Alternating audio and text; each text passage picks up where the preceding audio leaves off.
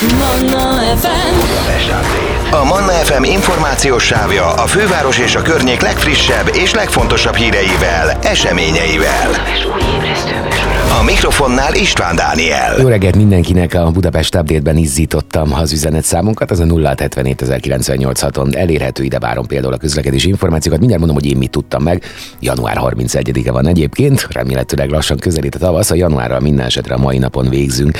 98 éve ezen a napon született egyébként Csohány Kálmán kétszeres munkácsi díjas grafikus művész könyvillusztrátor, részkarcokat, tusrajzokat és litográfiákat készített. A magyar művészek érdekeit képviselve vett részt a művészeti közéletben, alelnöke volt a Magyar Képzőművészek és Iparművészek Szövetségének, 75-től haláláig a Budapesti Képzőművészeti Szakközépiskolában tanított. Készített illusztrációkat többek között Tamási Áron, Tersánszki Józsi Jenő, József Attila, Áprili Lajos, Kassák Lajos, Éjes Gyula, Déli Tibor műveihez. Szülővárosában Pászton nyílt meg 2001-ben a Csohány Gálmán Galéria, amely állandó kiállítása mutatja be alkotásait. Életéről és művészetéről 2010-ben Sak Timor készített filmet Elhagyott szárnyak címmel. 59 éve először került adásba a Delta című ismeretterjesztő műsor. A főcím alatt az 1957-ben készült Tom DeSavelt and Kid Baltan szerzemény halató, amelynek címe Song of the Second Moon. A műsor több mint 30 éven keresztül 1965. decemberétől 96-ig Kudlik Júlia nevéhez kapcsolódott, előtte az első adást Por Klára és Kovács P. József, majd egy éven keresztül Lénár Judit vezette, majd Kudlik Júlia után dr. Fias Sándor volt a műsorvezető. Kilenc éve hunyt el Jancsó Miklós Kossuth Díjas filmrendező, jogot, néprajzot és művészettörténetet tanult a Kolozsvári Egyetemen, majd 1950-ben Budapesten a Színművészeti Főiskola filmrendezői szakán is végzett. Az 50-es években híradófilmek készítésével kezdte pályáját, 1958-ban pedig megrendezte első saját játékfilmjét a Harangok Rómába mentek címmel. Későbbi filmje a 19. századi betyár történetet feldolgozó szegény legények rengeteg fesztiválon nyert díjat, illetve kapott jelölést.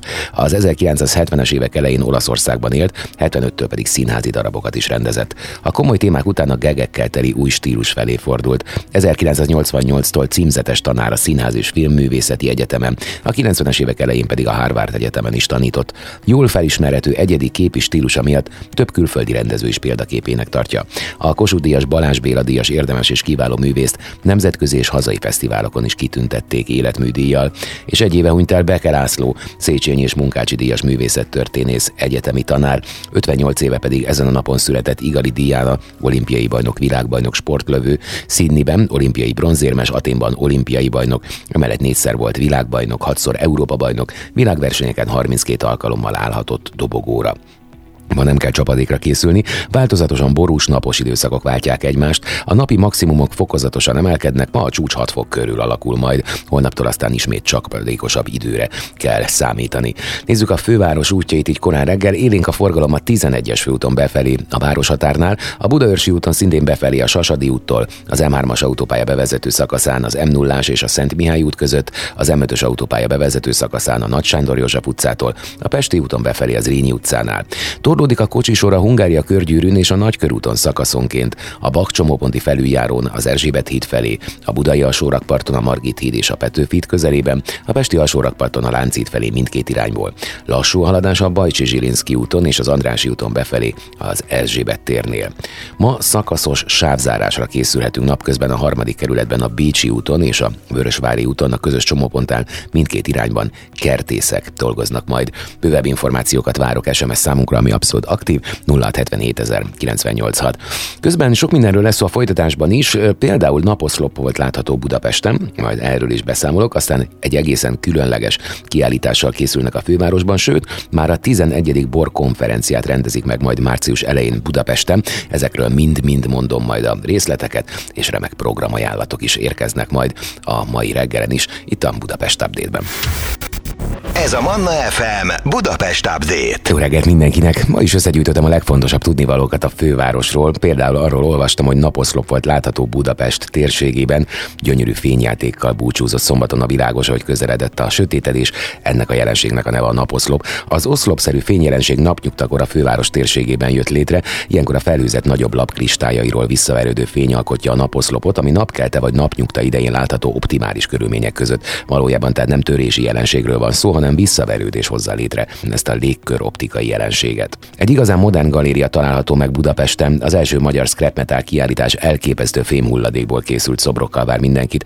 Ha kedveljük a modern stílusokat, a steampunkot és az industriál irányzatát, akkor a következő múzeumot nekünk találták ki, a Metalt Art Gallery rejti Magyarország első fémhulladékból készült kiállítását.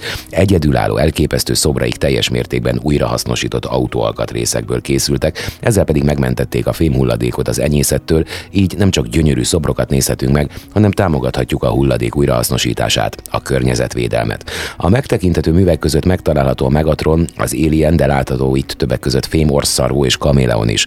A kiállítás interaktív, így mindent meg lehet fogni, rá lehet ülni és le lehet fotózni, ezen kívül pedig ökojátékprogram várja az érdeklődőket, ahol Zero Waste témában hallgathatunk előadásokat, valamint ökotérjátékokkal és izgalmas ökokincskereső játékokkal ismerkedhetünk meg. A Szoborpark megnyitását egy éves előkészület előzte meg, amikor is két tucat fémszobrász dolgozott az élethűbnél élethűbb szobrokon. Egy-egy ilyen alkotás elkészültéhez három-négy hónapra is szükség van. Már a 11. borkonferenciát rendezik meg március elején a fővárosban, egészen pontosan a március 3. borkonferencia már elérhető programját böngészve úgy tűnik, valóban húsba vágó, és igen aktuális témákat feszegetnek majd a tavaszi eseményen. Véletlenül a legtöbb szakmaverit az éppen készülő nemzeti bormarketing stratégia érdekli leginkább, amelyről rögtön a konferencia elején lehet kapni majd tájékoztatást. Rókusfavi Pál nemzeti bormarketingért felelős kormánybiztos beszél majd az ekkor már ismerhető részletekről. Már csak a téma miben léténél fogva is ez igen erős felütésnek ígérkezik, de tovább olvasva a programot a későbbiekben sem fognak a résztvevők unatkozni. Lesz majd szó például a generációváltásról is, amelyel kapcsolatban Gere Andrea mondja el az ikonikus villányi pincészet személyes tapasztalatait. A szakma profi művelőinek igazi csemege lesz dr. Zsófi Zsolt, az Eszterházi Károly Katolikus Egyetem habitált egyetemi docense, intézetvezetőjének szőlőtermesztési előadása, vagy az Agrárminisztériumot képviselő Gál Péter domináns szőlőfajtákról és az eredetvédelemről szóló prezentációja. Az erősen elméleti témákat kiválóan fogja illusztrálni és frissíteni a két kóstolás fajta masterclass, amelynek keretein belül Kamocsai Ákosnak és Kis Gábornak köszönhetően közelebbről is meg lehet ismerkedni az Irsaival, Cserszegivel és a Merlóval. Ezek mellett a szőlőbirtokok mérethatékonyságáról is lehet tanulni, Rábai László és Kovács Zoltán jóvoltából, valamint meg lehet ismerkedni Kis Zsófia szomálién nemzetközi tapasztalataival is. A konferencia végére pedig igazi csemege ígérkezik, hiszen az interaktív kerekasztal beszélgetés témája az alkoholfogyasztással szembeni zéró tolerancia lesz, amelyre olyan nagyágyúk érkeznek, mint Knezsik István, az autós nagy koalíció elnöke, Oberling József ezredes úr, rendőrségi főtanácsos, dr. Bátki Pál ügyvéd, közlekedési szakjogász, illetve természetesen a téma borász szószólói.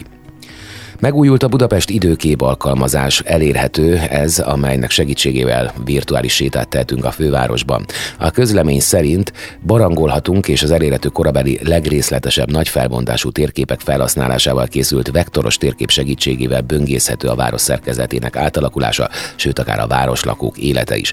Továbbá megtalálhatóak légi felvételek 1944-ből, valamint egy téri informatikai adatbázis az 56-os forradalom és szabadságharc áldozatairól.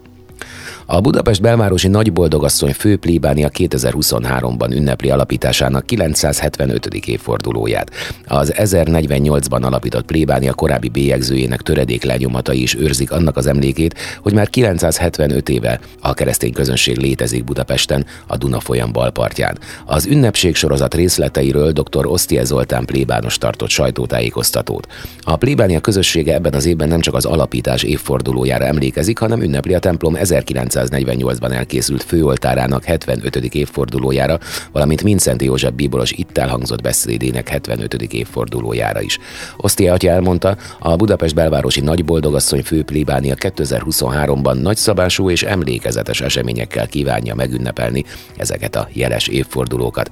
Április hónapban emlékezünk a Molnár Cépál által készített és 75 éve megáldott főoltárról. Az augusztusi nagyboldogasszony napján nagyszabású búcsú keretében ünnepeljük meg az alapítás 970 75. évfordulóját. Novemberben megemlékezünk Mincenti József bíborosról, aki nagy hatású beszédet mondott templomunkról és plébániánkról 1948-ban.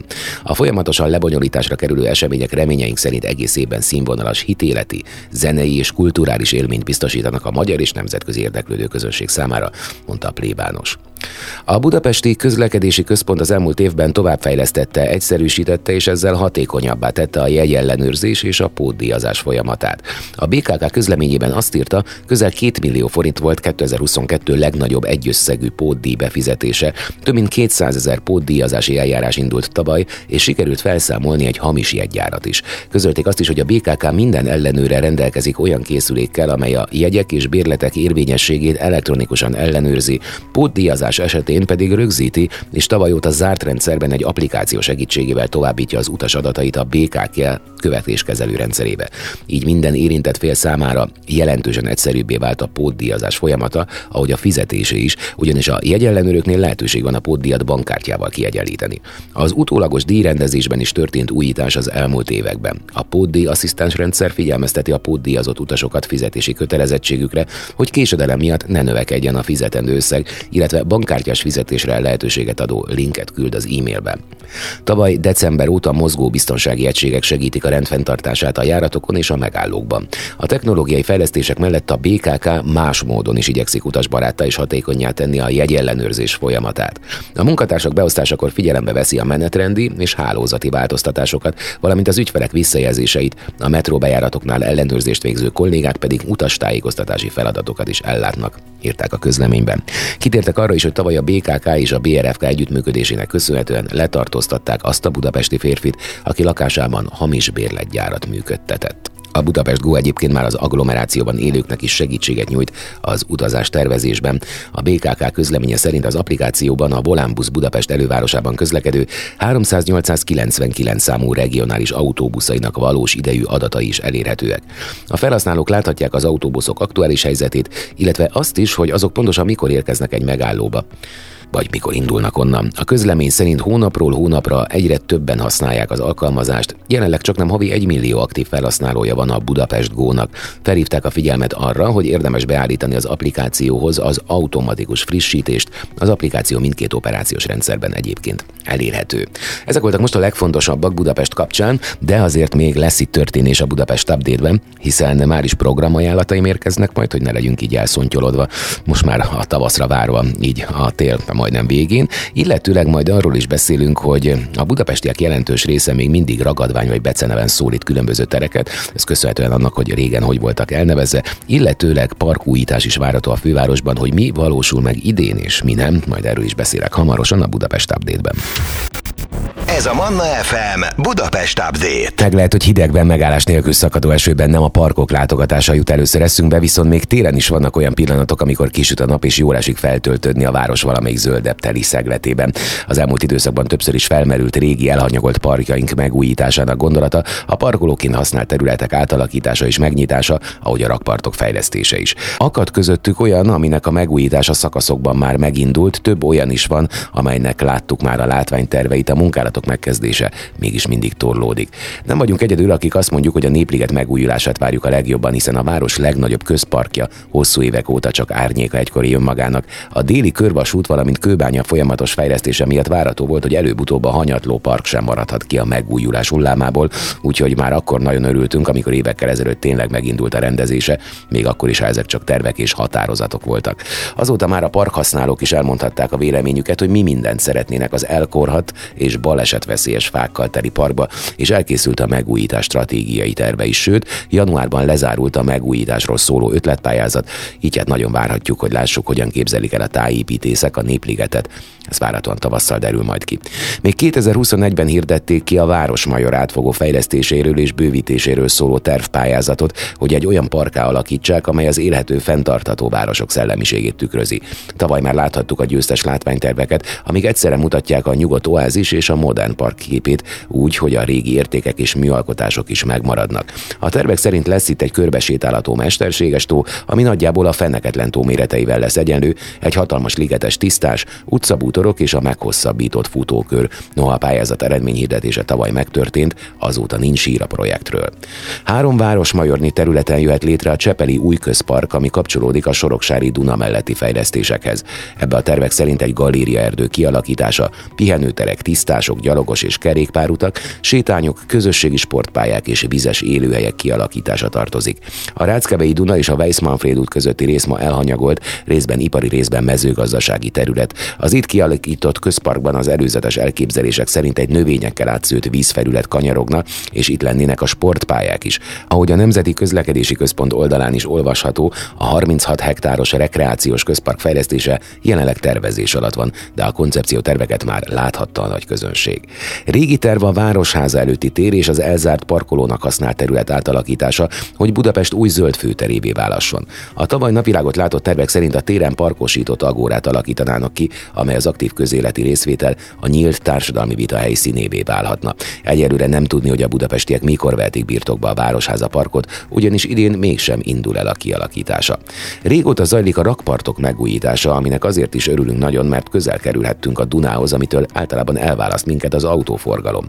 A fejlesztés célja, hogy a Pesti alsórakparton új zöld felületek és szabadidős szolgáltatások legyenek, valamint a gyalogos és a kerékpáros forgalmat is elősegítsék. Az elmúlt években már többször kipróbálhattuk, milyen az, amikor miénk a rakpart és sétálgathatunk, görkorizhatunk, vagy akár sütögethetünk is a helyszínen, úgyhogy nagyon várja mindenki, hogy tényleg megújuljon a rakpart, de addig is a Pesti alsó rakpart jó néhány szakaszán már andaloghatunk. Cinkota egykor önálló település volt, ma a 16. kerülethez tartozik, Ilona telep pedig Cinkota része. Az itt található Árpádkori alapokra épült evangélikus templom mellett egy sűrű és vadregényes, gótikusan romantikus kiserdő áll, és kívülről az utcáról nem is látható, hogy mit rejt a mélye. Egy rég elhagyott temető romjait, ahol híres és hírhet holtak nyugszanak a földben, a sírokat pedig már sűrűn benőtte az ajnövényzet meg a borostyán. Különleges hangulata miatt érdemes sétálni egyet benne, a Villa Budapest fedezte fel újból. Ha a térképen nézi meg a városi felfedező, hogy hova kell menni a cink Cinkotai öreg temetőz azt látja, hogy jó messze esik a belvárostól, de semmi pánik, mert elég egyszerűen és viszonylag gyorsan ki lehet jutni. Az őrsvezér terét kell megcélozni, majd ott a gödöllői hévre felszállni, a Cinkota megálló után következő Ilona telep megállónál pedig leszállni. A hév itt már a töltésen jár, alatta alagutacska, azon keresztül jutunk át a másik oldalra. Az alagutacskával pontosan szemben kezdődik a gazdaságút, ezen sétálunk be a kertvárosias területre, és pár perc séta után oda is érünk az evangélikus templomhoz, ami mellett egy ös ösvény vezet be a kiserdőbe, ahol egykor a cinkotai temető feküdt, ma pedig már csak a különböző állapotú sírok. A szemrevaló templom valószínűleg még Szent István idején épülhetett fel, ő volt ugyanis az, aki rendeletben tette kötelezővé, hogy minden tíz falunak emelnie kell egy templomot. A cinkotai templom első múltbéli nyoma az 1074-es esztendőbe vezet vissza, úgyhogy feltehetőleg már István idejében is állt. Előbb a tatárok, majd a törökök is lerombolták, később pedig párszor átépítették. Mai formáját az 1770-es években ért el, köszönhetően köszönhetően az 1699-ben betelepített szlovák evangélikusoknak. Később is átépítettek még rajta ezt azt, például az eredetileg gótikus csúcsos torony ma már barokkos sisak formájú. A középkori templom maradványai ma is láthatók, kívül a kőfal, belül pedig az eredeti templom alapja. Ez egyébként a főváros legnagyobb árpádkori alapokra épült evangélikus temploma. A templom melletti öreg temetőt valamikor a második világháború után számolták fel, és aztán hagyták is, hogy az enyészet elvégezze rajta a dolgát. Ez a természetes folyamat pedig kimondottan jó jól áll a területnek. A buja ajnövényzet és a borostyán sűrűn öleli körbe a sírokat, melyek között vannak egészen jó állapotban lévők, sőt olyanok is, melyekre a mai napig kerül friss virág, de a nagy részük már csak maradvány. Berogyott kőlap vagy félig kidőlt magányos kereszt magukra hagyott mementói a múltnak. Bármelyik napszakban sétálgat is itt az ember egy idő után úgy érzi, barátságos kísértetek kísérik az útján. Talán hátborzongatóan hangzik, hogy érezni a holtak jelenlétét, de a kiserdő annyira hangulatos és vadregényes, hogy a horrorfilmesség maximum sötétben, és akkor jutott az ember eszébe egyedül sétál. Itt nyugszik Cinkot egyik díszpolgára Tabódi Ida tanár, aki a pozsonyi tanítóképző igazgatója volt 1915-től. Az első világháború végén az intézmény Cinkotára költözött, az igazgatónő pedig nem csak az iskola vezetőjeként végzett hasznos munkát, hanem közéleti tevékenységet is folytatott. Nem csak híres, hanem hírhet lakó is vannak az öreg temetőnek. Kis Béla, vagyis a cinkotai kék szakál a múlt század elejének sorozatgyilkosa volt, akit sosem kaptak el, és aki legalább 24 nőt gyilkolt meg. A megnyerő modorú jósvádájú bádogosként dolgozó és megbízható mesterember hírében állt kisről, valahogy elképzelhetetlen volt, hogy embereket gyilkol meg. Szerényen viselkedett, kedves volt és meglepően intelligens. Hiába bukkantak fel körülötte nők, majd tűntek el nyomtalanul, valahogy senki sem gondolt semmi rosszra. Ő maga sem gondolta, hogy lebukik, mert a meggyilkolt nőket a saját otthonában lezárt fémhordókban tárolta. Bár a segédje szerint nem mindegyik hordót tartotta meg, volt amelyiket külföldi címekre küldte el. Idén is tovább zöldül Budapest 300 ezer növény, 13 ezer cserje és örökzöld, 16 ezer fa és facsemete. Ennyivel lett gazdagabb tavaly a főváros a főkert munkatársainak köszönhetően. Sőt, három új természetvédelmi területtel bővült Budapest és új rovarhotelek, madároduk kerültek ki a zöld területekre.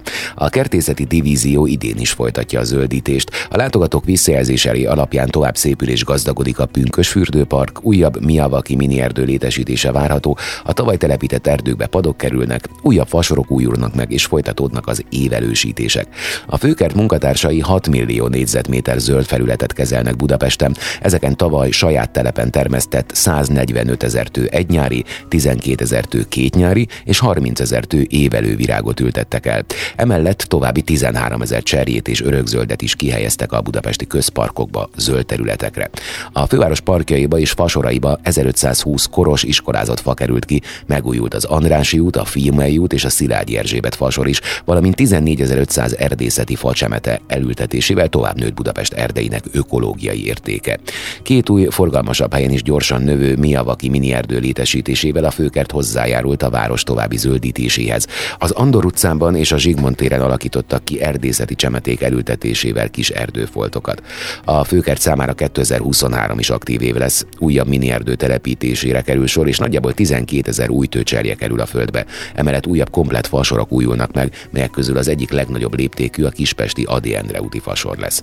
Egy teljesen új szakmai városfejlesztési koncepció alapján készült el 2022-ben a 7 hektáros Pünkös fürdőpark, ahol több mint 600 fát, 6000 cserjét és 10 ezernél is több évelőt ültettek el a főkert munkatársai. Sportpályák, játszótér, piknikterület, fitnesseszközök és egy városi gyümölcsös is része a komplex, szabadidős rekreációs létesítménynek. A főkert a parkot idén a lakossági visszajelzések alapján teszi majd még vonzóbbá és élménydús kikapcsolódás helyszínévé. 2022-ben 40 millió négyzetméter zöld felületet kaszáltak le a munkatársak, és folytatódott a városi méhlegelő kialakítása és bővítése is. A második éve tartó Vadvirágos Budapest program során tavaly olyan különleges és védett növények jelentek meg ezeken a méhlegelőkön, mint a budai imola, a gyapjas gyűszűvirág, a mébangó vagy a ligeti csillagvilág. A Gellért hegyen és a Népligetben két újabb rovarhotel várta a városi vendégeket, idén pedig újfajta rovarhotelek is helyet kapnak a városban, és folytatódik a tavalyi év egyik sikeres projektje, az Odú építési program is. 2022-ben 430 madárpár rakott fészket a főkert Odúiban, az egyikben egy fokozatosan védett kisemlős vaj az erdei pele is otthonra lelt. Tartanak a Vöröskereszt egylet egykori székházának és a József főhercegi palota, valamint a hozzátartozó neoreneszánsz stílusban épült istálló és palotakert rekonstrukciós munkálatai. A Vöröskereszt egylet székházát kívül a Hausmann Alajos Dezső páros tervei alapján rekonstruálják, míg belül teljesen a mai megjelenést kapja majd. Az építésnél részben az eredeti restaurált kőanyagot használják fel, a lábazat már elkészült, jelenleg a díszes homlokzat és a tetőhéjazat elkészítésén dolgoznak, amit a díszterem és a díszbejárat Hausmann-kori helyreállítása követ majd idén. A Szentgyörgy téren álló József főhercegi palota tavaszra már szerkezetkész lesz. Ez a Manna FM Budapest Update. Abban talán nincs semmi furcsa, hogy ilyen olyanokból Budapest bizonyos utcáit, tereit, épületeit a hivatalostól eltérő névvel említik a városlakók, ám olyan is akad köztük, amiről az emberek nagy többsége meg van győződve, hogy az a formális elnevezés, miközben ez nem igaz. A Világ Budapest összeszedett jó párat a még élő és használatban lévő nem hivatalos elnevezések közül. Azzal mindenki tisztában van, hogy a főváros hivatalos neve Budapest, de a vidékről érkezik az ember, és teljesen mindegy, hogy keleti, nyugati, déli vagy északi irányból jön, mindig azt mondja, megyek Pestre, ami végül is csak a város egyik fele. A vidéki ember számára Budapest egyszerűen csak Pest, és mindezt nem lehet arra fogni, hogy azért, mert az úgy rövidebb. Ennek oka valószínűleg az, hogy mindig is Pest volt a fejlettebb és a hangosabb része a fővárosnak. Hivatalos ügyben vagy szórakozás céljából is elsősorban a pesti oldalra jött és jön a vidéki ember. Amikor Egyesült Pest, Buda és Óbuda, hogy Budapest legyen belőle, akkor is leginkább úgy állt a helyzet, hogy az utóbbi kettőt csatolták az előbbihez, ami jelezte a sorrendet a három település között. Ma már persze nincs így, maximum a megnevezés szintjén. A fővároson belül azonban számos hasonló eset figyelhető meg, amikor a hivatalos és a használatban lévő elnevezés eltér egymástól. A használatban lévő, de nem hivatalos elnevezések egy része azért speciális, mert egykor hivatalos nevek voltak ezek is, csak valamilyen okból eltörölték őket, de a budapestiek és azon belül azok, akik még használták a régi elnevezést, inkább ahhoz ragaszkodtak az újabb helyet. Egyszerűen azért, mert ezt szokták meg. Az idősebb korosztályok számára az Erzsébet tér még mindig Engels tér. A Teréz és az Erzsébet körút Lenin körút, az Oktogon november 7-e tér, a Nyugati tér Max tér, a Ferenciek tere pedig a Felszab. Ebből is látszik, hogy az egyszeri városlakót kevésbé érdeklés befolyásolja a politika. Ebbe a sorba illeszthető pár még speciálisabb eset. Az M7-es autópálya bevezető szakaszánál állt a zászlóval integető katona Ija Afanasjevics Osztapenko szobra. Ez a terület, ami nem egy konkrét út, utca vagy tér, hanem egy önkényesen kijelölt része a környéknek, nevezték a szobor után Osztyapenkónak. Találkozunk az Osztyapenkónál, beszélték még a 70-es és a 80-as években a Balaton felé stoppolók, akik nem is a szobornál, hanem valahogy a közelében találkoztak egymással. Az elnevezés pedig annak ellenére, hogy az orosz katona már rég a Memento Parkban integet megmaradt. Hasonlóan különleges a Szél Kálmán tér esete, amit bár eredetileg is így hívtak, 1951 és 2011 között azonban Moszkva tér néven futott, és a mai napig sokan még mindig így hivatkoznak rá, a Moszkva. A megszokás tartja életben azt a fura helyzetet is, hogy az Erzsébet téri koncerthelyszínt, az Akvárium klubot sokan még mindig gödörnek nevezik, méghozzá két okból is. Egyfelől eredetileg ide épült volna az új Nemzeti Színház, ám a terv meghiúsult, és egy darabig szégyen szemre egy még gödör árválkodott a tér közepén, amit az alapszámára ástak ki. Ez volt a Nemzeti Gödör, amit azonban később betemettek, vagyis a helyén megnyitotta a Gödör klub, ahol aztán az akvárium is. A Gödör 2002 és 12 között működött az Erzsébet téren, majd 2012 tavaszától átvette a helyét az akvárium, amit annak ellenére neveznek sokan még mindig gödörnek, hogy a hely arculata teljesen megváltozott. A régi gödör pedig azóta is létezik, csak a Király utcában találjuk. Manna FM. A Manna FM információs sávja a főváros és a környék legfrissebb és legfontosabb híreivel, eseményeivel. A mikrofonnál István Dániel.